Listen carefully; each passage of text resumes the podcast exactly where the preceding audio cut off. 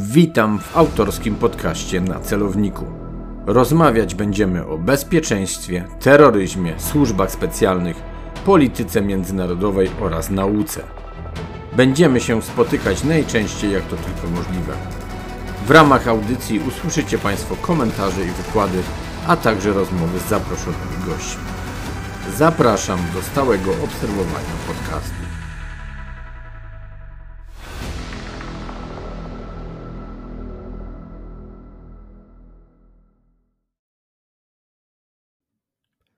Przy mikrofonie Artur Dubiel, Wyższa Szkoła Bankowa.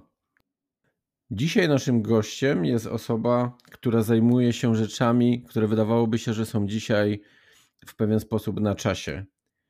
Ale o tym może za chwilę. Przedstawmy najpierw Michał Miśko, szef Centrum Zarządzania Kryzysowego w Urzędzie Miasta Ruda Śląska. Witam serdecznie.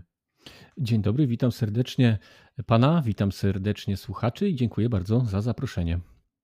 Pan Michał nie jest osobą przypadkową i zawodowo, i nie jest też przypadkową, że tak się wyrażę, w kontaktach ze mną. Jest y, byłym moim studentem, którego i nie tylko jego, bo myślę, że i całą grupę, jak już niejednokrotnie rozmawialiśmy, darzyłem i darzę dużą sympatią i szacunkiem za to, jak do swoich obowiązków, nie tylko studenckich, ale i zawodowych y, podchodzili. Tak jak powiedziałem, jest szefem Centrum Zarządzania Kryzysowego i to w mieście, tak, na prawach powiatu. Za chwilę sobie powiemy w ogóle, czym centra jako takie się zajmują, bo wydaje się, że nie wszyscy to rozumieją. A w obecnych czasach, jak wspominałem, to jest kwestia kryzysu, to jest kwestia wojny, to jest kwestia też pandemii, która wcale, wcale się nie skończyła. Ale jeszcze y, trzy słowa dosłownie o panu Michale. Jest absolwentem kierunków bezpieczeństwa narodowego i administracji, z rzeczy, że tak powiem, ciekawych i jego aktywności zawodowej i pozazawodowej. Prowadzi m.in. profil o zarządzaniu kryzysowym na Facebooku. Jego adres znajdą Państwo w opisie naszego dzisiejszego odcinka. Prowadzi również serwis internetowy GeekWeb, tak? Czy GeekWeb? GeekWeb, tak. tak. E, PL. Także też będziecie Państwo mieli linka, aby tam sobie zajrzeć, bo Pan Michał też jest zapalonym fanem technologii, tak można powiedzieć. O, szukałem dobrego słowa. Bardzo dziękuję. Bardzo dziękuję. Poza tym, pan Michał popełnił kilka tekstów do zaprzyjaźnionego portalu mil.link. Między innymi dwa teksty, do których dzisiaj trochę będziemy się odnosić, bo będzie między innymi o alarmowaniu i ostrzeganiu. I dwa takie teksty. Pierwszy Renegade, czyli dlaczego znowu zawyją syreny oraz syrenowe mity. Także do tych dwóch tekstów Państwu linki zamieszczę oraz parę innych jeszcze tekstów, między innymi o cyberbezpieczeństwie, o szyfrowaniu, o wojnie, więc też tematy i mimo, że już trochę czasu minęło od kiedy ostatni raz pan Michał coś publikował, przynajmniej w tym portalu, to wydają się to teksty w pewien sposób y, na czasie. Chyba tyle, panie Michale. To ja bym miał prośbę, żeby się pan teraz odniósł i tak naprawdę nam wytłumaczył, powiedział, czym w ogóle centra zarządzania kryzysowego się zajmują i w ogóle jak one w strukturze wyglądają, bo niby jest to proste, a jak się okazuje, większość osób niespecjalnie to wszystko kojarzy i tak naprawdę nie kojarząc nazw, nie kojarzy i poziomów. Więc jeśli mógłby pan się do tego odnieść jako szef takiego centrum, osoba, która, jak sam pan zaznacza, no 16 lat już w tym siedzi, tak? Więc jeśli dosłownie parę słów też o sobie, jakby pan mógł powiedzieć, a potem odnieść się właśnie do funkcjonowania e, takich centrów. Tak, więc y, ja y, pierwszego wykształcenia skończyłem e, administrację. Tak sobie kiedyś pomyślałem, że to dziwnie zabrzmi, ale pracą marzeń będzie praca w urzędzie. Lubię po prostu przekładać papiery, lubię tą pracę taką stricte biurową. I jako, że skończyłem tą administrację, wziąłem udział w konkursie w Urzędzie Miasta i ogłoszenie, które mnie Wcześniej oczywiście nie wiedziałem nic o bezpieczeństwie ani nic o zarządzaniu kryzysowym. To był 2006 rok. Wziąłem udział w konkursie w jednym z ogłoszeń, które właśnie do e, Wydziału Zarządzania Kryzysowego, e, które tego wydziału dotyczyło.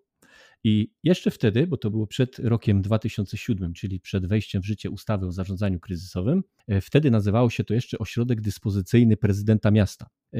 W Rudzie Śląskiej zawsze to bezpieczeństwo było dość mocno rozwinięte, jeszcze za poprzedniego prezydenta miasta ten konkurs się odbywał i wtedy ten ośrodek dyspozycyjny prezydenta miasta właśnie takie centrum zarządzania kryzysowego taką rolę pełnił. Jeszcze, tak jak mówię, przed wprowadzeniem ustawy. Dopiero jakby już y, po roku mojej pracy w 2007 roku, dokładnie w kwietniu, za niedługo będziemy obchodzić rocznicę, kolejną weszła w życie ustawa o zarządzaniu kryzysowym. I wtedy wszystkie te takie ośrodki tam, gdzie były, tak jak w naszym mieście, E, ośrodki dyspozycyjne prezydenta, czy też e, ośrodek inżyniera miasta, też w niektórych e, rejonach tak to się nazywa, zostały przekształcone w centra zarządzania kryzysowego, a tam, gdzie ich nie było, ustawa jakby nakładała taki obowiązek powstania takich centrów. I tutaj dochodzimy już w zasadzie do sedna sprawy, bo tak jak powiedziałem wcześniej, w naszym mieście akurat, ja wiem, że to troszkę zabrzmi jak każda pliszka swój ogonek chwali i będę mówił o swoim mieście jak najlepiej i o swojej pracy jak najlepiej, ale tak naprawdę jest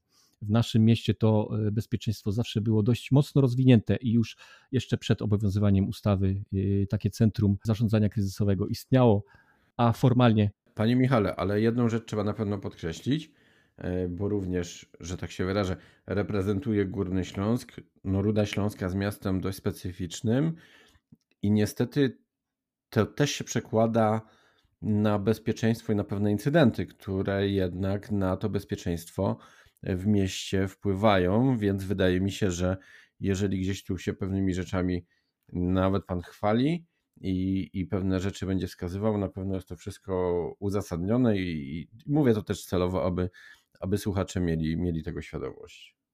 Tak, zdecydowanie tak jest. To jest miasto specyficzne. Miasto powstało w zasadzie z kilku e, mniejszych gmin, złączonych w całość, więc y, nie mamy czegoś takiego jak, jak typowe miasto, czyli typowej, typowego centrum. Każda dzielnica w Rudzie Śląskiej w zasadzie można, można wyróżnić takie centrum. Więc od 2007 roku y, w gminach, w powiatach takie e, centra musiały powstać.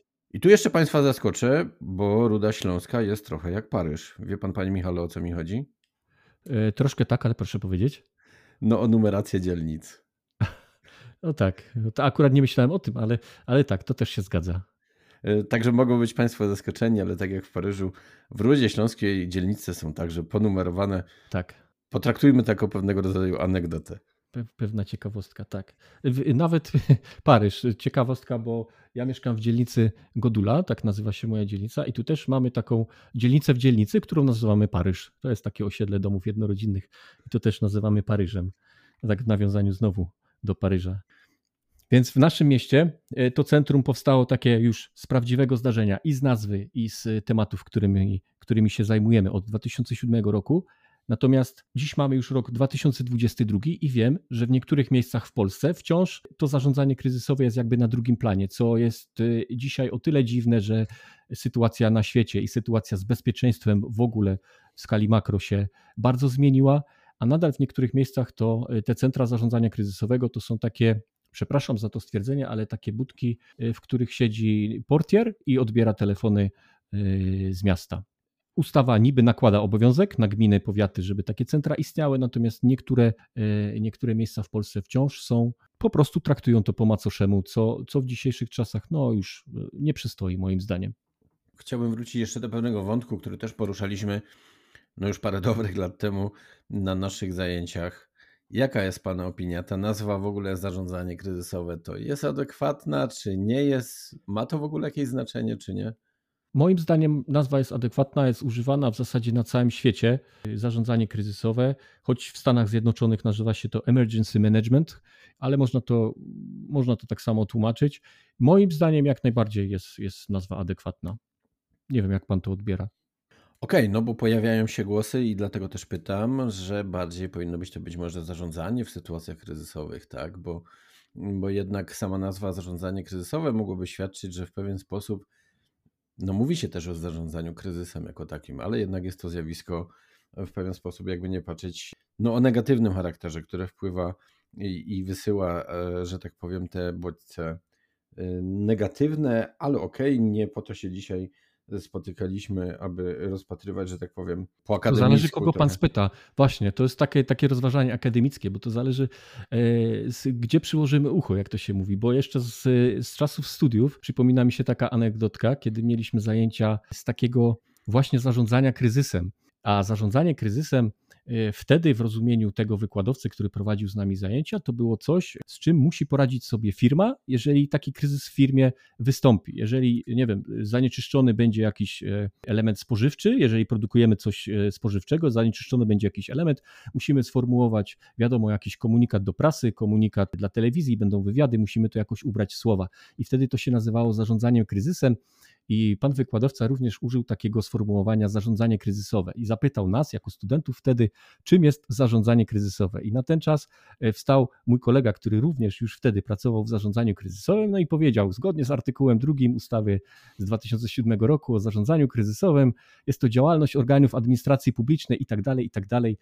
I widziałem w oczach wykładowcy, jak zdębiał wtedy, bo nie wiedział, co ma na to odpowiedzieć. Dosłownie tak było.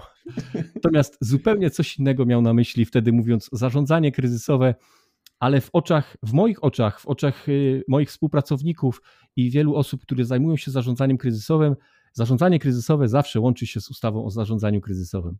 No, bezwzględnie każdy element funkcjonowania państwa oczywiście musi być określony tą literą, literą prawa. Ja też się cieszę i to właściwie mówię w każdej rozmowie, chyba każdemu rozmówcy, kiedy się odnosi do, do moich pytań, czy, czy w ogóle w trakcie naszej prowadzonej dyskusji.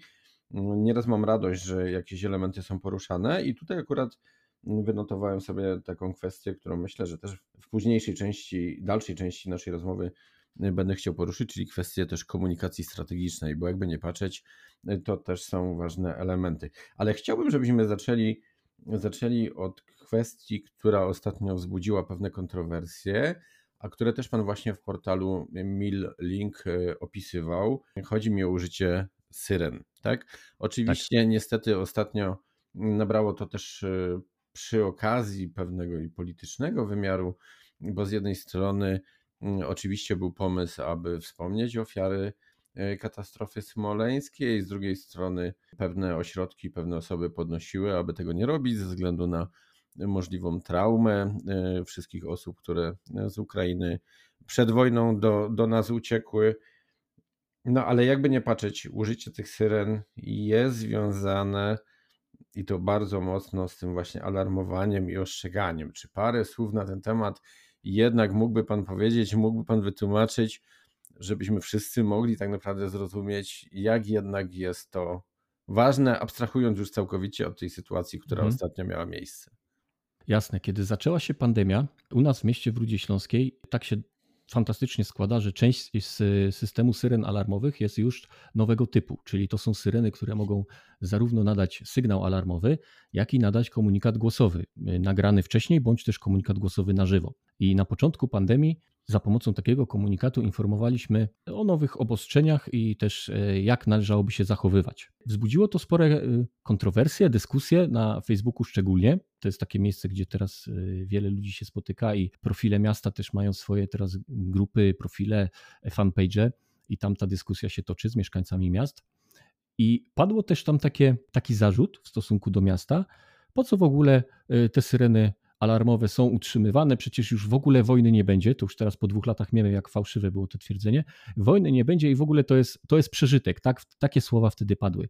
Oczywiście wtedy też wdaliśmy się w dyskusję, taką oczywiście bardzo kulturalną, ale syreny, e, system syren alarmowych jak najbardziej jest potrzebny. Dawaliśmy tutaj chociażby przykład Japonii, gdzie te gdzie te syreny alarmowe i ten system jest też bardzo e, mocno wspierany i bardzo wykorzystywany. Chyba padło na podatny grunt, bo wtedy y, jakby mój adwersarz dał się przekonać, że jednak te syreny są ważne, a po dwóch latach widzimy, jak bardzo są ważne. I wracając do, e, do tego zarzutu, do tego pytania, czy te syreny musiałyby wyjść tego, tego 10 kwietnia, czy też nie. Nie wchodząc jakby w polityczne spory, każdego roku 1 sierpnia mamy głośną próbę syren i to jest e, sprawa kluczowa, żeby pod obciążeniem wypróbować cały system syren alarmowych. Pod obciążeniem takim raz, że cały system jest włączony, a dwa, w lato oczywiście mamy też różne inne takie warunki atmosferyczne, które powodują, że ten system działa w jakby w, w, dużym, dużym obciążeniu. Głośna próba syren jest przeprowadzana raz do roku. Myślę, że y, nie ma jakby większej większej potrzeby wykorzystywania tych syren alarmowych. Poza tym możemy takie syreny przetestować zupełnie po cichu, wtedy nawet nikt z mieszkańców nie wie, że takie syreny są testowane. A powiem więcej, nawet te syreny nowego typu, czyli taką centralę syren alarmowych, która jest u nas w mieście, samoistnie testuje się dwa razy na dobę, więc tutaj nie ma żadnego e, problemu z tym, żeby syreny, kiedy trzeba będzie ich użyć, nie były sprawne. Taka kwestia jeszcze dotycząca między innymi zdalnego włączania tych syren, bo syreny znajdują się w urzędach, ale znajdują się mhm. między innymi także e, w remizach ochotniczych straży pożarnej i strażacy też właśnie podnosili przy tak. okazji tej politycznej, e, ale jednak dyskusji na temat e, syren, że jest to zdalnie, zdalnie, jak to ktoś ładnie powiedział, chociaż nie wiem czy ładnie, odpalane. Mhm. Jak, to, jak to się odbywa, jak to się dzieje Szukam oczywiście znowu dziury w całym. Czy jest ewentualnie zagrożenie, czy że ktoś w jakiś sposób może sabotować, no jakby nie patrzeć, kwestię ostrzeżenia mieszkańców przed zagrożeniem? Mówi pan o na przykład zdalnym przejęciu, tak? Takich syren, chociażby. Przejęciu jak przejęciu, zakłóceniu i uniemożliwieniu ich włączenia. Mm, sam system jest tak skonstruowany, e, że są dla poszczególnych e, sektorów tych syren w województwie, weźmy pod uwagę województwo, dla poszczególnych sektorów w województwie są wyznaczone pewne również sektory czasowe. I jeżeli my zdalnie chcielibyśmy włączyć wszystkie syreny w województwie, to prawdopodobnie nam się to nie uda, ponieważ jeden sygnał zakłóci drugi i ani jedna, ani druga, ani drugi sektor wtedy, wtedy nie zadziała. Jeżeli chodzi o zdalne jakieś przyjęcie, no to teraz czy mówimy o teorii, czy o praktyce. W Stanach Zjednoczonych, bodajże gdzieś e, w okolicach Kalifornii, zdarzyło się, że hakerzy przejęli cały system syren alarmowych. Nawet u nas w biurze wisi taka, taki mm, artykuł e, z portalu internetowego o tym donoszący sprzed kilku lat. Więc to, co człowiek stworzył, to drugi może przejąć i może wykorzystać to w złym celu. Natomiast ja bym y, jakby nie demonizował tego typu zagrożeń i raczej na poziomie powiatu takiego zagrożenia nie widzę, żeby, y, żeby były użyte syreny w złym celu. Panie Michale, a jak ważne tak naprawdę są te syreny? Bo każdemu to tak się kojarzy zazwyczaj, że właśnie ćwiczenia, stała godzina zazwyczaj, tak, jest to 11, 12, wcześniej oczywiście bardzo często, właściwie prawie zawsze, jeśli nie zawsze, są informacje wyprzedzające, tak, że syreny zawyją, że będzie robiony test, taki czy inny. Mhm. Po co właściwie te syreny w ogóle są? Syreny są kluczowym elementem systemu wczesnego ostrzegania, a w razie rozwinięcia podwyższonego stanu gotowości państwa wchodzą w skład e, systemu wczesnego ostrzegania. Moim zdaniem i zdaniem wielu ekspertów od bezpieczeństwa są kluczowym systemem w zarządzaniu kryzysowym i w zarządzaniu bezpieczeństwem państwa. Właśnie, wspomniał Pan o systemie wczesnego ostrzegania. Do tego tak naprawdę teraz yy, chciałem przejść, przynajmniej względem takiego dość ogólnego planu naszej rozmowy, bo one zazwyczaj są mocno spontaniczne, ale jednak oczywiście jakieś punkty, punkty sobie zakładamy wcześniej. Jak cały taki system tak naprawdę wygląda, bądź modelowo powinien wyglądać, gdzie są jego silne strony, gdzie ewentualnie mamy jakieś mankamenty i kwestie, które wydaje się panu powinny ulec zmianie czy poprawie. Jeżeli mówimy o ostrzeganiu i alarmowaniu, to na pewno słabe punkty upatrywałbym niestety, ale w ludności, nazwijmy ją cywilną, tak oczywiście w cudzysłowie, bo nikt z nas nie jest przecież e, mundurowym. Sam pan wcześniej, jeszcze przed, zanim weszliśmy na antenę, powiedział o tym, e, jak dzisiaj pracuje się ze studentami, jak pracowało się kiedyś ze studentami. Generalnie, jacy ludzie przewijają się przez, przez studia dzisiaj i, i, i, i przez te wszystkie lata, które, które gdzieś tam się znamy.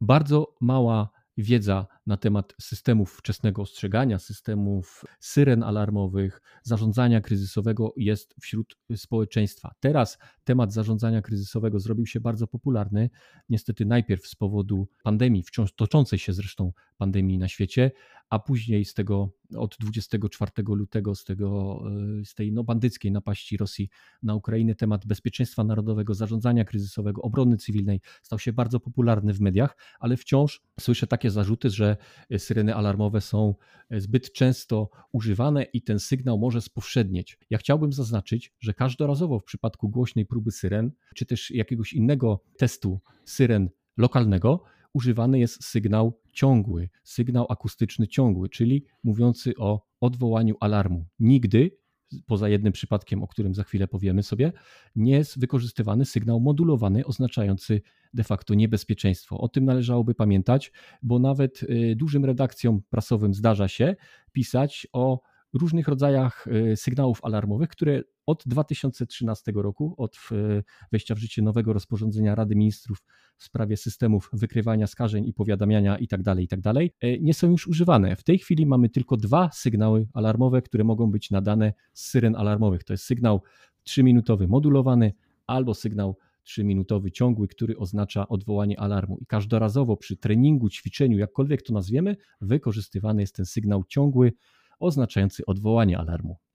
Panie Michale, za chwilę na pewno będę chciał przejść też do roli samorządu w ogóle w systemie, ale nie wiem czy celowo, czy nie, ale trochę Pan uciekł od tego wątku, o który pytałem, czyli jak ogólnie, chociaż e, jakby Pan mógł powiedzieć, wygląda w ogóle system wczesnego ostrzegania. Czy to jest kwestia tylko i wyłącznie samych tych e, syren i nieszczęsnych dźwięków, czy jeszcze coś innego w to wszystko wchodzi? Jakby Pan trochę jakby edukacyjnie mhm. mógł podejść do tematu. Oczywiście samo alarmowanie to też nie są tylko syreny, bo to są różnego, in, y, różnego rodzaju inne środki e, przekazu dźwięku, tak mogę powiedzieć. To są tak zwane szczekaczki, to mogą być nawet gdzie niegdzie wykorzystywanie mm, dzwonów kościelnych, także do ogłaszania jakiegoś niebezpieczeństwa. Jeżeli gdziekolwiek jeszcze by się wykorzystywało taki, taki sposób alarmowania, to z, ze starych westernów można, można ładnie się przekonać, jak to kiedyś wyglądało. W małej wiosce, jeżeli pojawiało się jakieś niebezpieczeństwo, to zawsze biły e, dzwony kościelne i dzisiaj również e, dzwony kościelne mogą do tego być wykorzystywane, choć pewnie no, na takie alarmowanie już nikt w ogóle by nie zwrócił uwagi. Natomiast to jeżeli mówimy o alarmowaniu. Natomiast ostrzeganie to też jest jakby inna działka systemu wczesnego ostrzegania. Ostrzeganie w zasadzie z ostrzeganiem mamy do czynienia na co dzień, e, bo to są chociażby paski wykorzystywane e, w telewizjach. Jeżeli coś wychodzi z samorządu lub e, z jakiegoś większego okręgu, czyli z województwa, jest jakieś niebezpieczeństwo, jest jakieś zagrożenie, jakiś wypadek komunikacyjny, no to wtedy taka informacja jest podawana w mediach, podawana w aplikacji SWO, jeżeli ktoś ma na telefonie komórkowym. Wtedy wszyscy ci, którzy otrzymują taką informację, są członkami systemu wczesnego ostrzegania. Również komunikaty pogodowe, które też y, notabene y, są zarzuty, że są zbyt, zbyt powszednieją. SMS-y od RCB są takie zarzuty, że to jest zbyt powszechne i już nikt na to nie zwraca uwagi, ale to też jest system wczesnego ostrzegania i wszelkie komunikaty pogodowe. Panie Michale, ale nie jest tak trochę. Ja powiem szczerze, niejednokrotnie też dostaję ostrzeżenia mm, mhm. przed silnym wiatrem, burzami, schowaj się, będzie ulewa i tak dalej. I to nie jest tak, że potem faktycznie to zdarzenie na przykład ma miejsce, tylko jest słabsze, bo jestem w stanie to zrozumieć, tak? Bo mhm. pogodę, jakby nie patrzeć, to prognozujemy. Nigdy nie mamy tej pewności tak. stuprocentowej. Tak. Ale niejednokrotnie, i to muszę podkreślić, zdarzało mi się, że alert przychodził w prognozie w moim telefonie internetowej ani słowa na ten temat, że coś się wydarzy i co? I faktycznie nic się nie wydarza. Mhm. I faktycznie ja tutaj widzę pewien problem, że może trochę na wyrost staramy się. Ja przepraszam za to słowo, ale czy nie jest to aby trochę dupokrytka i będąca efektem być może tej tragedii, która miała kiedyś miejsce, gdzie zginęli harcerze, tak? Czy może faktycznie czasem nie idziemy trochę za daleko i ja nie mówię, że nie ma być powiadomień, ale może bardziej delikatnie z sugestią, że to może mieć miejsce, a niekoniecznie, mhm. że mm, chodzi mi o formę przekazu. Co do formy przekazu alertów, y, który wysyła jest przez RCB, moglibyśmy dyskutować. To jest sprawa dyskusyjna. Ja również mam czasem pewne zastrzeżenia, bo nie jestem pewien. Ale musimy podkreślić, wejdę w zdanie, że mhm. jednak RCB wysyła to e, centralnie. Przypomnę dla tych, którzy nie wiedzą, RCB, Rządowe Centrum Bezpieczeństwa. Dokładnie. Wcześniej pan Michał jeszcze użył skrótu SWO, czyli System Wczesnego Ostrzegania. To, co Państwo czasem macie tak aplikacje zainstalowane e, w telefonie. To tak słowem tylko uzupełnienia. Tak, słowem uzupełnienia RCB, tak jak Pan powiedział, Rządowe Centrum Bezpieczeństwa, czyli Centrum Zarządzania Kryzysowego Szczebla Krajowego. A no właśnie, Panie Michale, prosiłem, abyśmy sobie pewnego rodzaju strukturę i poziomy określili, więc jakby Pan mógł o tym też powiedzieć, żeby nam to nie uciekło. Dokładnie. I to jest y, w zasadzie poziom pierwszy, czyli, czyli ten najwyższy. To jest prezes Rady Ministrów, ministrowie, Krajowy Zespół y, Zarządzania Kryzysowego, czyli wszystkie te najważniejsze postaci, y, które w zarządzaniu kryzysowym mogą występować. Rządowy Zespół Zarządzania Kryzysowego, który, tak jak powiedzieliśmy, jest Krajowym Centrum Zarządzania Kryzysowego na poziomie drugim. To kaskadowo w dół idziemy. Jest drugi poziom, czyli wojewoda, czyli ostatni jakby przedstawiciel rządu w terenie jest Wojewódzkie Centrum Zarządzania Kryzysowego. Znowu schodzimy w dół, jest poziom trzeci, powiaty, tu jestem, tu jestem ja i Powiatowe Centrum Zarządzania Kryzysowego i poziom niżej jeszcze są te mniejsze jednostki e, samorządu terytorialnego, czyli wójt, burmistrz e, i wszystkie gminne centra zarządzania kryzysowego. Tak wygląda struktura zarządzania kryzysowego u nas w Polsce, według ustawy o zarządzaniu kryzysowym. No i zgodnie z praktyką, a przynajmniej a przynajmniej taką tak. mamy nadzieję, że najczęściej, tak. najczęściej tak jest. Panie Michale, y, samorząd, patrząc na wspominane i przez Pana, i wcześniej też, zanim zaczęliśmy oficjalną rozmowę, samorząd pełni dość specyficzną i ważną rolę, i myślę, że teraz to trochę uświadamia nie tylko i społeczeństwo, ale czasem i, i wójtów, prezydentów, burmistrzów, jak y, ważne jest to zarządzanie kryzysowe Zwłaszcza, że jakby nie patrzeć, mamy od lat pewien problem chociażby z obroną cywilną, więc ta rola samorządu staje się dość poważna. Patrząc ostatnio, co nam to potwierdza w pewien sposób, kwestia pandemii, kryzysu ogólnie, potencjalnej wojny, kryzysu chociażby też pewnego uchodźczego, bo musimy też wziąć pod uwagę, że mhm. część na przykład, y, nie wiem jak to u Państwa akurat w mieście wyglądało, ale być może założyliście i zgłosiliście, że jesteście gotowi przyjąć tyle i tyle osób, ale tych osób też się mogło pojawić więcej, no i pojawiają się też różne, różne problemy. jakby Pan mógł powiedzieć też parę słów właśnie o roli samorządu w całym, w całym tym systemie, gdzie Pan widzi te silne strony, gdzie Pan ewentualnie widzi pewne mankamenty, które, no, które wypadałoby eliminować. Nie oczekuję oczywiście, że na własnym przykładzie ludzkim, ale, ale ogólnie to, co Pan widzi, bo na pewno też się Pan wymienia poglądami ze swoimi kolegami na podobnych stanowiskach i to też na różnych poziomach. To, co na pewno jest minusem od wielu, wielu lat, to brak jednoznacznej, jednoznacznego ustawodawstwa, jeżeli chodzi o obronę cywilną. Bo obronę cywilną tak de facto będziemy mieć w Polsce jakkolwiek e, ulokowaną w prawie do 23 kwietnia. Wie pan dlaczego? No, zaskoczony chyba jestem pytaniem. Bo wtedy ustawa o powszechnym obowiązku obrony RP zostanie zastąpiona ustawą A, o obronie ojczyzny. No tak, zgadza się. I jedyną, jedynym e, jakby aktem prawnym, e, który wspominał jakkolwiek o obronie cywilnej, bo ustawy nie doczekaliśmy się jeszcze do teraz, o 10 lat jest mowa o ustawie o obronie cywilnej, jedynym aktem prawnym, o którym mogliśmy jakkolwiek mówić o obronie cywilnej, była ta z 67 roku właśnie ustawa o powszechnym obowiązku obrony RP. Zastępuje ją ustawa o obronie ojczyzny, w której o obronie cywilnej nie ma już ani słowa. I tutaj widzę ogromny, ogromny minus właśnie i czekam, być może się doczekam właśnie dobrej ustawy o obronie cywilnej. W sumie idziemy dalej trochę w stronę roli samorządu, bo chciałem też tak naprawdę zapytać, pan mówił, że społeczeństwo też jest nieświadome pewnych rzeczy, ale skoro społeczeństwo jest nieświadome i nawet jeśli to jest jego mniejsza czy większa wina, abstrahując już całkowicie od tego, to wydaje się, że takie działania edukacyjne powinny jednak te samorządy prowadzić mhm. głębiej, rzekłbym, bo to nie jest tylko kwestia wykorzystania wspominanych również już dzisiaj mediów społecznościowych, własnej mhm. strony internetowej. Mhm. No umówmy się, jak wielu mieszkańców wchodzi na strony y, samorządowe. No, albo jak szukamy, jak załatwić pewną sprawę. Tak, jak chcemy pobrać jak, formularz. Tak. Na, albo chcemy pobrać formularz, albo jak w tym urzędzie teraz to się załatwia, bo bo COVID, tak? Y, mówiąc w mhm. dużym skrócie myślowym. Może też pora na działania bardziej aktywne, wyjście do szkół. Nie mamy już przedmiotów typu przysposobienie obronne. Tak, mhm. trochę inaczej to wszystko wygląda. Rzucam. To są moje pomysły, mhm. bym powiedział, bardzo gorące i na szybkie, na szybko wpadające do głowy, mm, będące efektem tak naprawdę naszej mhm. rozmowy. Czy tutaj też, bo jakby nie patrzeć, to na czyjeś barki spać musi i najpewniej nie na barki społeczeństwa. Jeszcze długo, długo przed kryzysami, z którymi teraz się borykamy, czyli kryzysem uchodźczym i kryzysem związanym z pandemią, prowadziliśmy działania na wielu frontach, można tak militarnie powiedzieć. Bo ja oczywiście znowu będę wypowiadał się o sobie, o pomysłach, które, które mam ja, moi, moi zwierzchnicy, moi koledzy w pracy, bo działamy znowu, każda pliszka swój ogon chwali, działamy, wydaje mi się, bardzo prężnie, a wiem, że na innych szczeblach, na innych szczeblach, może w, jakby w innych powiatach, w innych gminach wyglądać to może inaczej.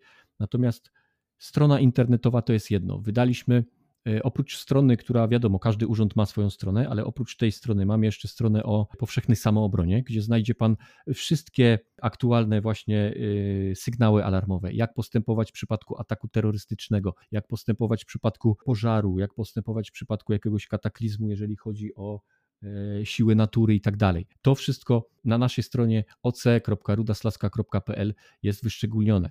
Drukowany był swego czasu, teraz już jest bodajże druga edycja tego y, drukowanego takiego podręcznika, jak zachowywać się w sytuacjach takich kryzysowych, tak y, nomenklaturę naszą używając. Pan mówi o wizytach w szkole. Od na długo, długo przed pandemią jeszcze, akurat nie ja osobiście, ale mój kolega Piotr y, z, z drugim kolegą Rafałem wizytują szkoły i tam właśnie uczą o budowlach ochronnych, o sygnałach alarmowych, Chcę, chciałbym tak po, powiedzieć, że wizyty w zakładach pracy również się zdarzają.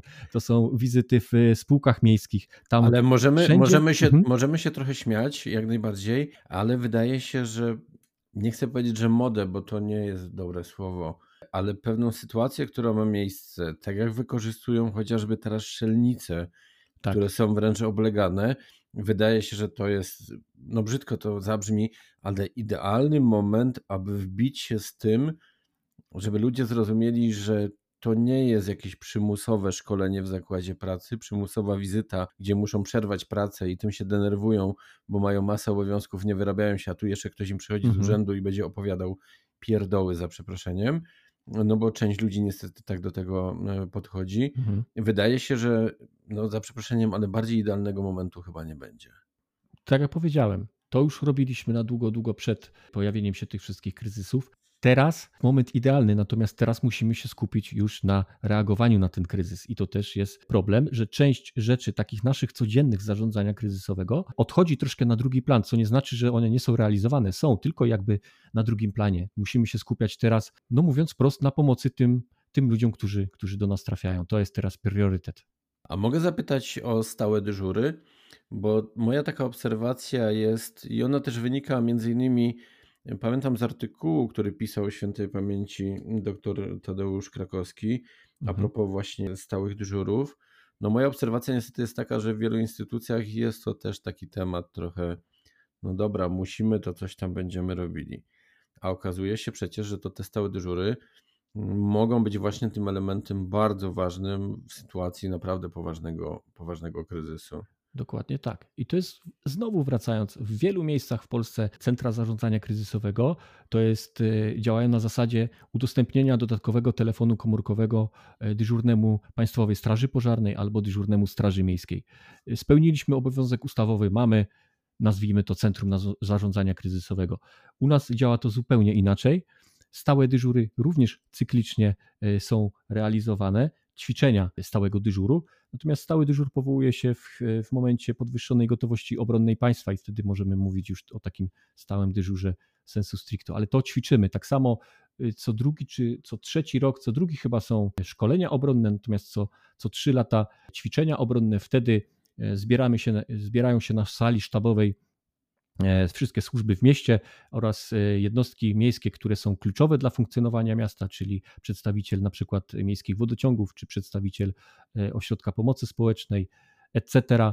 I wtedy ćwiczymy jakiś taki wybrany scenariusz. I co ciekawe, jeszcze przed wystąpieniem kryzysu uchodźczego, ale nie tego, który mamy teraz związanego z Ukrainą, tylko jeszcze wcześniejszego, kiedy w 2014 roku, przed 2014, kiedy Rosja zaatakowała Krym, kiedy przejęła Krym, to my ćwiczyliśmy e, taki wyimaginowany scenariusz właśnie jakby zwiększonej migracji e, do granic Polski, a tym samym e, na terytorium naszego miasta. Wtedy ćwiczyliśmy takie scenariusze, gdzie tych ludzi zabezpieczyć, w jaki sposób ich zabezpieczyć, gdzie takie miejsca wyznaczyć i tak dalej, i tak dalej. I te scenariusze teraz, jak to się mówi, punktują, bo my wyciągamy te stare scenariusze i patrzymy, co, i co e, wtedy rozmawialiśmy, na jaki temat i teraz możemy to, możemy to wdrożyć, bo wszystkie te mm, materiały, które kupowaliśmy wtedy w magazynie OC, które składujemy, e, te scenariusze, czyli te wypracowane jakby połączenia pomiędzy poszczególnymi instytucjami funkcjonują do teraz i teraz e, punktują właśnie przy tym kryzysie uchodźczym, z którym się spotkaliśmy po 24 lutego. I po raz kolejny muszę powiedzieć, że znowu się cieszę, bo poruszył Pan znowu te elementy, o które też chciałem zapytać, więc mamy pewnego rodzaju płynność. Zapytać chciałem tak naprawdę właśnie o księgi bezpieczeństwa, o siatki zagrożeń, mapy mhm. i tym podobne rzeczy. Pamiętam, jak się też kopałem z jednym z urzędów, kiedy potrzebowałem pewne dane i urząd no, różnie do tego podchodził, mhm. zasłaniając się między innymi informacjami Klauzulą, niejawnymi. Tak, Jasne. dokładnie. Czy na ten temat, co nieco też by Pan mógł naszym słuchaczom powiedzieć, oczywiście w sposób e, dość ogólny, mhm. bez wchodzenia w pewne e, szczegóły, mm, bym powiedział takie bardziej operacyjne, jeśli można to tak nazwać, bo przecież wspomniał Pan między innymi o tych wszystkich elementach i służbach zespolonych, niezespolonych, mhm. które biorą, jakby nie patrzeć, no dość aktywny udział w momencie, w momencie zaistnienia sytuacji kryzysowej. Mhm. Na każdym etapie zarządzania kryzysowego, na tych etapach, o tych etapach wspominałem przed chwilą, czyli poziom pierwszy e, Rządowe Centrum Bezpieczeństwa, poziom drugi wojewoda, poziom trzeci powiaty i poziom czwarty to już są te wszystkie mniejsze jednostki samorządu terytorialnego. E, tworzy się plany zarządzania kryzysowego. W, oczywiście w gminach to są gminne, w powiatach powiatowe, e, plany zarządzania kryzysowego wojewódzkie, aż sięgając do poziomu pierwszego, czyli Krajowy Plan Zarządzania Kryzysowego. Krajowym Planie Zarządzania Kryzysowego, jeśli Państwo sobie w Google sprawdzą, to bodajże w, w części B y, jest opisane wszystko to, co państwo powinno robić w przypadku wystąpienia kryzysu uchodźczego. I to jest dokładnie ten plan, z którego również dzisiaj korzystamy. Na każdym etapie, y, na poziomie pierwszym, drugim, trzecim i czwartym, taki plan y, w jednostkach samorządu terytorialnego również istnieje. Oczywiście kryzys uchodźczy jest w gestii administracji rządowej, więc y, my możemy jedynie wykonywać te polecenia, które przychodzą, y, no najniżej mówiąc, z województwa. Natomiast na swoim terenie mamy również plany dotyczące ewakuacji, które są chociażby y, tożsame z tym, z czym borykamy się teraz, czyli z taką masową mm, migracją uchodźczą. No, musimy zdecydowanie podkreślić znowu, że tak się wyrażę, strukturę nie tylko samej Rudy Śląskiej, ale i całego terenu Górnego Śląska, dość ciasnej i zbitej aglomeracji, metropolii, tak. niezależnie od tego, które e, miasta, powiaty i gminy do tej metropolii faktycznie należą, no bo pewne sytuacje, które będą miały miejsce, nie będą patrzeć na to, gdzie przebiega granica między sąsiadami, tak, między Dokładnie różnymi tak. jednostkami samorządu terytorialnego. Więc tutaj współpraca jest Y, niezbędna, nawet nie tylko bardzo ważna, ale i niezbędna, bo nie da się robić tego tylko i wyłącznie dla siebie. Należy jednak się porozumieć y, z sąsiadami. Jak taka współpraca wygląda? Dobrze to, mm, że tak powiem, pan odbiera, czy, czy to też tworzy pewne problemy, ponieważ w różnych samorządach są różne wizje i spojrzenia na, na pewne rzeczy? Na pewno w różnych samorządach są różne wizje na zarządzanie kryzysowego i na bezpieczeństwo ogółem. Natomiast plany co do sensu stricte są tworzone według tych, tych samych ram. Więc ustawa o zarządzaniu kryzysowym również y, mówi, jak takie plany powinny być tworzone i są tworzone również kaskadowo, czyli na pierwszym poziomie krajowy, krajowy plan zarządzania kryzysowego korzysta z tego, co kaskadowo po niższe wojewódzkie plany zarządzania kryzysowego mówią i powiatowe plany zarządzania kryzysowego mówią i tak do samego dołu do poziomu czwartego. Więc krajowy plan zarządzania kryzysowego, oczywiście nie jeden do jednego, bo to nie jest kopiuj wklej, ale korzysta z wszystkich tych rozwiązań i z wszystkich tych takich, takiej charakterystyki terenu, który dostał w planach wojewódzkich, w planach powiatowych i w planach gminnych. Tak to wygląda. Wspomniał Pan wcześniej w formie trochę anegdoty, tak, o zajęciach na studiach i o tej kwestii różnego też pojmowania zarządzania kryzysowego, ale ja bym chciał w sumie wrócić trochę do tego wątku, bo na początku też mówiliśmy o komunikacji strategicznej i tutaj bezwzględnie do tego też byśmy się trochę musieli odnieść. Mhm. Jeśli nie ma pewnych założeń, nie ma pewnych przygotowań, to z tą komunikacją zaczyna być problem. Bardzo dobrym e, jakby wzorcem i rozwiązaniem było to, co się zdarzyło. No, dalej jesteśmy na Górnym Śląsku. Wypadki na kopalniach, zresztą też jeden z tematów niestety bardzo Aktualny. świeży, tak. Mhm. I tutaj też były pewne problemy, tak? Też nie było pewnej, nie chcę powiedzieć, że komunikacji, ale pewnych zasad i pęd dziennikarski za sensacją powodował, że nie wszystko funkcjonowało jak należy. Dzisiaj na szczęście, po latach różnych doświadczeń i prób pewnej współpracy, czasem wręcz wymuszenia pewnych zasad, udało się to takie dobre praktyki wyprasować. Czy przy innych zagrożeniach, w tych innych dziedzinach, w tych innych takich działkach, tak to nazwijmy, mhm. też Wam się to udaje, czy, czy jest to jeszcze trudne i jeszcze, jeszcze niestety musicie próbować się dogadywać z innymi współuczestnikami środowiska? W świecie idealnym odpowiedziałbym tak, że lubię, kiedy na dany temat wypowiadają się fachowcy. Natomiast nie zawsze się da staramy się, żeby przy każdej, przy każdej sytuacji kryzysowej, czy też przy każdej ingerencji dziennikarzy w naszą, w naszą pracę, za komunikację taką medialną, prasową, czy też komunikację z mieszkańcami, bo to też jest bardzo ważne, żeby mieszkańców poinformować, to też jest zresztą nasz obowiązek, żeby mieszkańców poinformować o tym, jakie ewentualnie mogą ich czekać niebezpieczeństwa, odpowiadała zawsze jedna osoba. Wtedy fachowcy, takich nazwijmy, czy też ludzie, którzy y, są w danej dziedzinie biegli, takie komunikaty tworzą i przekazują jednej osobie. U nas y, zazwyczaj jest to rzecznik prasowy urzędu, i wtedy taka jedna osoba takie, takie komunikaty przedstawia. Nie jest to oczywiście rozwiązanie, rozwiązanie idealne, e, rzecznik prasowy albo, albo prezydent miasta. Nie jest to oczywiście rozwiązanie idealne, ale wydaje mi się, że e, na tyle rozsądne, żeby jednak e, tej defragmentacji, tej, tej komunikacji nie było. Ja się trochę nie zgodzę, powiem szczerze, bo wydaje mi się, że jest to chyba może i nie idealne rozwiązanie, ale jedno z lepszych, stosowane również też w służbach, tak? Mhm. Tak, aby na różnych poziomach organizacji nie wychodziły pewne komunikaty, które nie Ładnie są tak. zbieżne, a jednak, żeby to była osoba odpowiedzialna i kompetentna, by się tym zajmowała.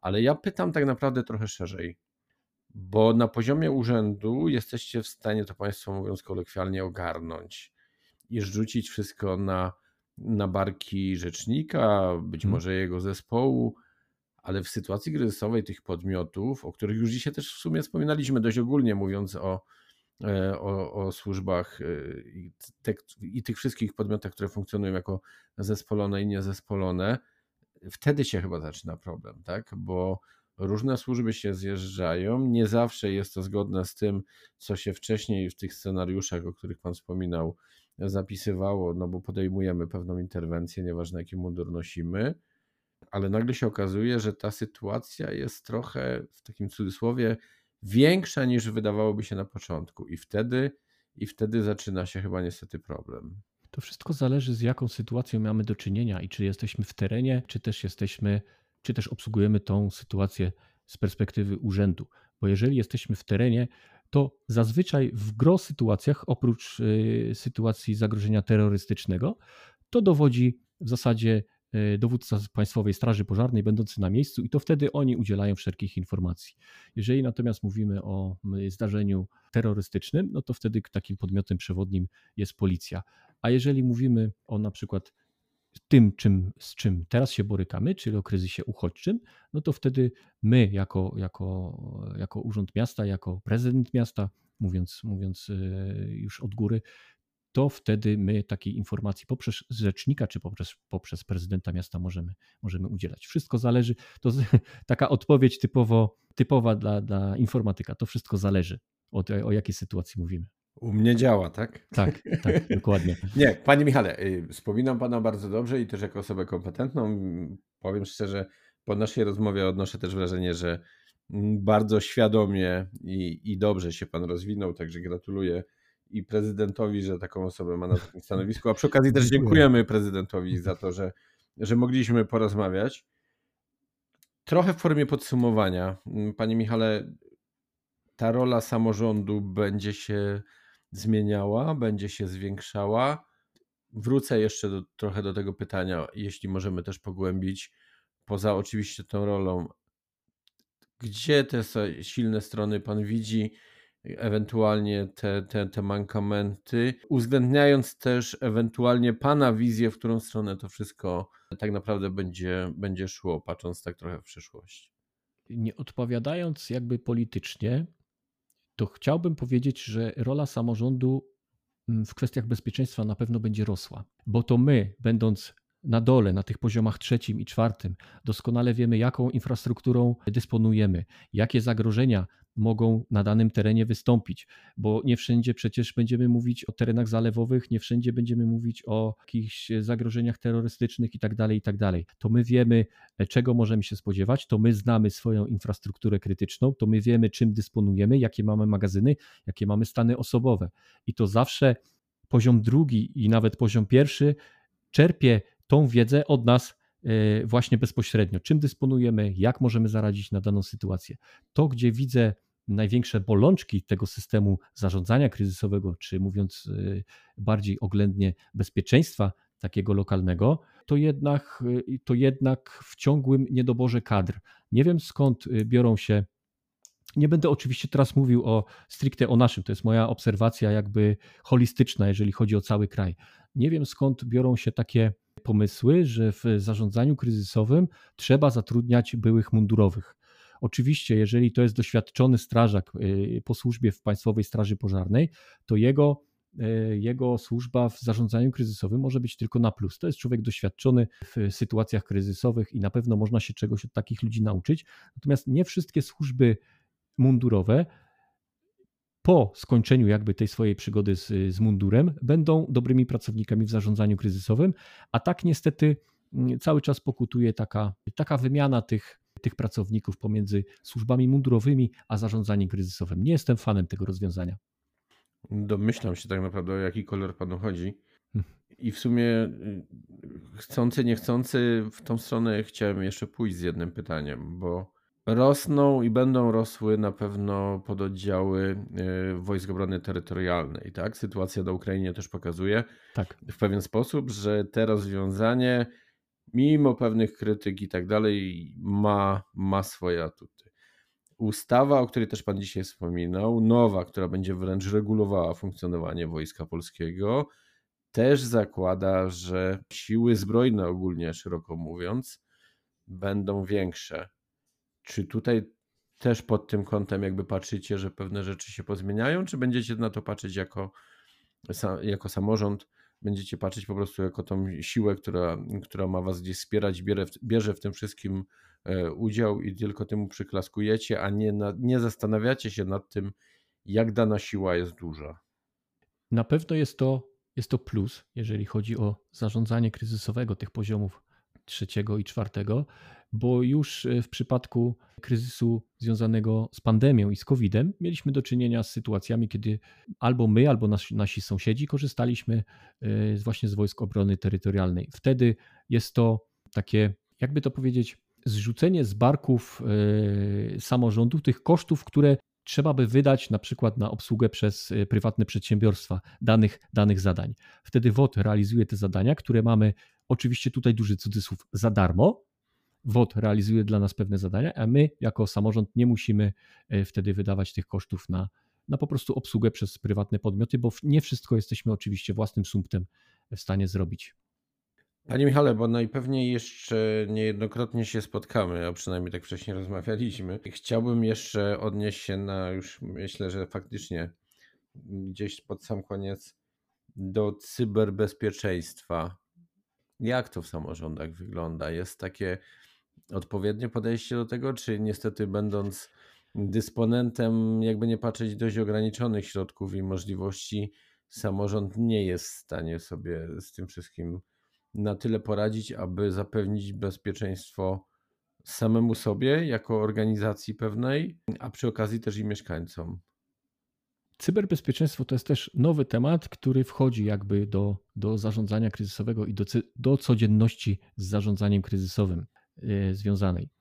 I nowy rodzaj wojsk przy okazji też, tak? Nowy rodzaj wojsk, tak, jeżeli y, pod, pod względem militarnym też będziemy rozmawiać. Natomiast y, nigdy nie jest tak, żeby jednostka samorządu terytorialnego mogła sprostać tym wszystkim wymogom bezpieczeństwa, którym może sprostać prywatny podmiot. Nigdy tak nie będzie i nigdy tak nie było. Samorząd zawsze będzie opóźniony pod względem technologicznym za firmami świadczącymi usługi bezpieczeństwa cybernetycznego.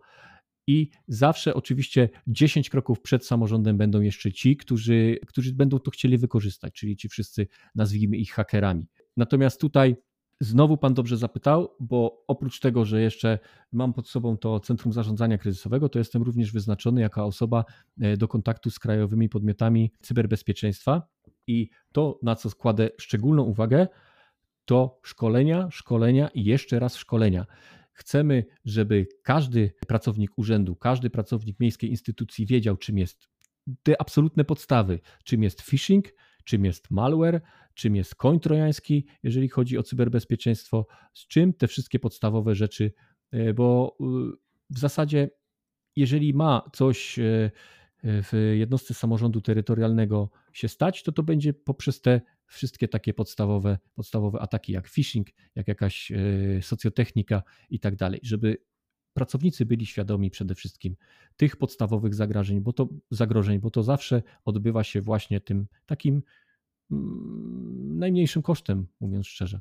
Jakby nie patrzeć dość prostymi metodami, już nie, będę, już nie będę też dokuczał jednemu z urzędów y, no, na Górnym Śląsku, który dał się nabrać na pewne rzeczy i milion złotych szybko z konta wypłynął. I, I ja tak naprawdę życzę wszystkim, żeby potencjalne straty szły tylko ewentualnie finansowe, a nie, a nie inne. I bardzo się cieszę też przy okazji i gratuluję, że do tego tak podchodzicie, mając jednak pewną świadomość i obawy, czy aby na pewno wszyscy z tych szkoleń się cieszą i korzystają, bo niestety mam też na uwadze po wybuchu afery tej naszej mailowej, jak niski tak naprawdę procent chociażby szanownych naszych posłów wziął udział w szkoleniach, więc to też niestety pokazuje, mhm.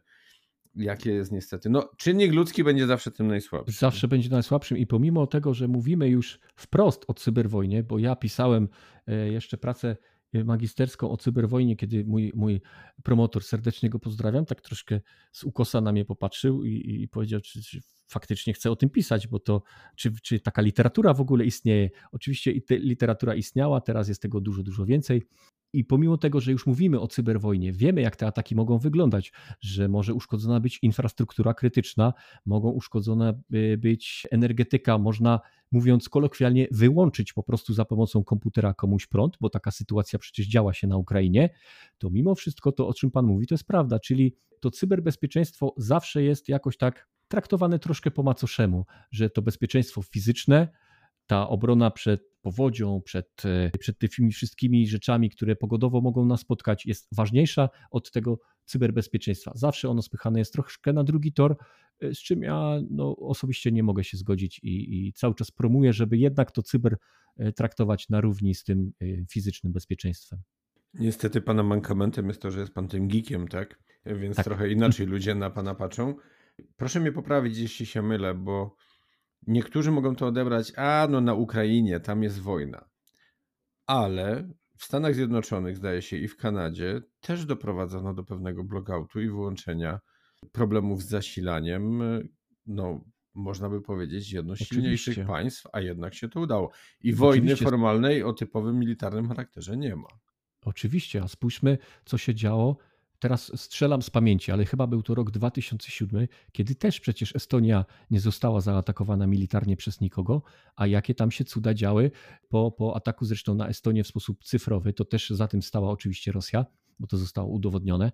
Trzeba dodać, żeby słuchacze też e, skojarzyli, e, działo się to w efekcie zemsty za usuwanie pomników sowieckich. Dokładnie radzieckiego żołnierza, tak. I tak ja e, trochę zanim pan się rozwinie w wypowiedzi jeszcze, to Chciałbym dodać, że wydaje się, że nie tylko Estonii, ale chyba Litwa, naszej Łotwa, części również, tak. Europy tak. wyszło to w pewien sposób chyba na dobre, bo trochę inaczej na to Tak, pokłosiem tego ataku było oczywiście zainteresowanie się NATO cyberatakami, cyberwojną, jeżeli e, takiej nomenklatury będziemy używać. I, I powstaniem, wdrożenie... i powstanie centrów eksperckich. Tak. Dokładnie, w Talinie, gdzie Polacy również mają swój czynny udział. Tak I oczywiście wdrożenie ataku cybernetycznego do artykułu 5 traktatu waszyngtońskiego. Panie Michale, no chyba musimy powiedzieć, że w sumie mimo wszystko i tak jesteśmy w stanie wojny, nie? Bo tu od lat jednak nasz wspaniały wschodni sąsiad jednak na tym polu próbuje swoich sił. Zdecydowanie.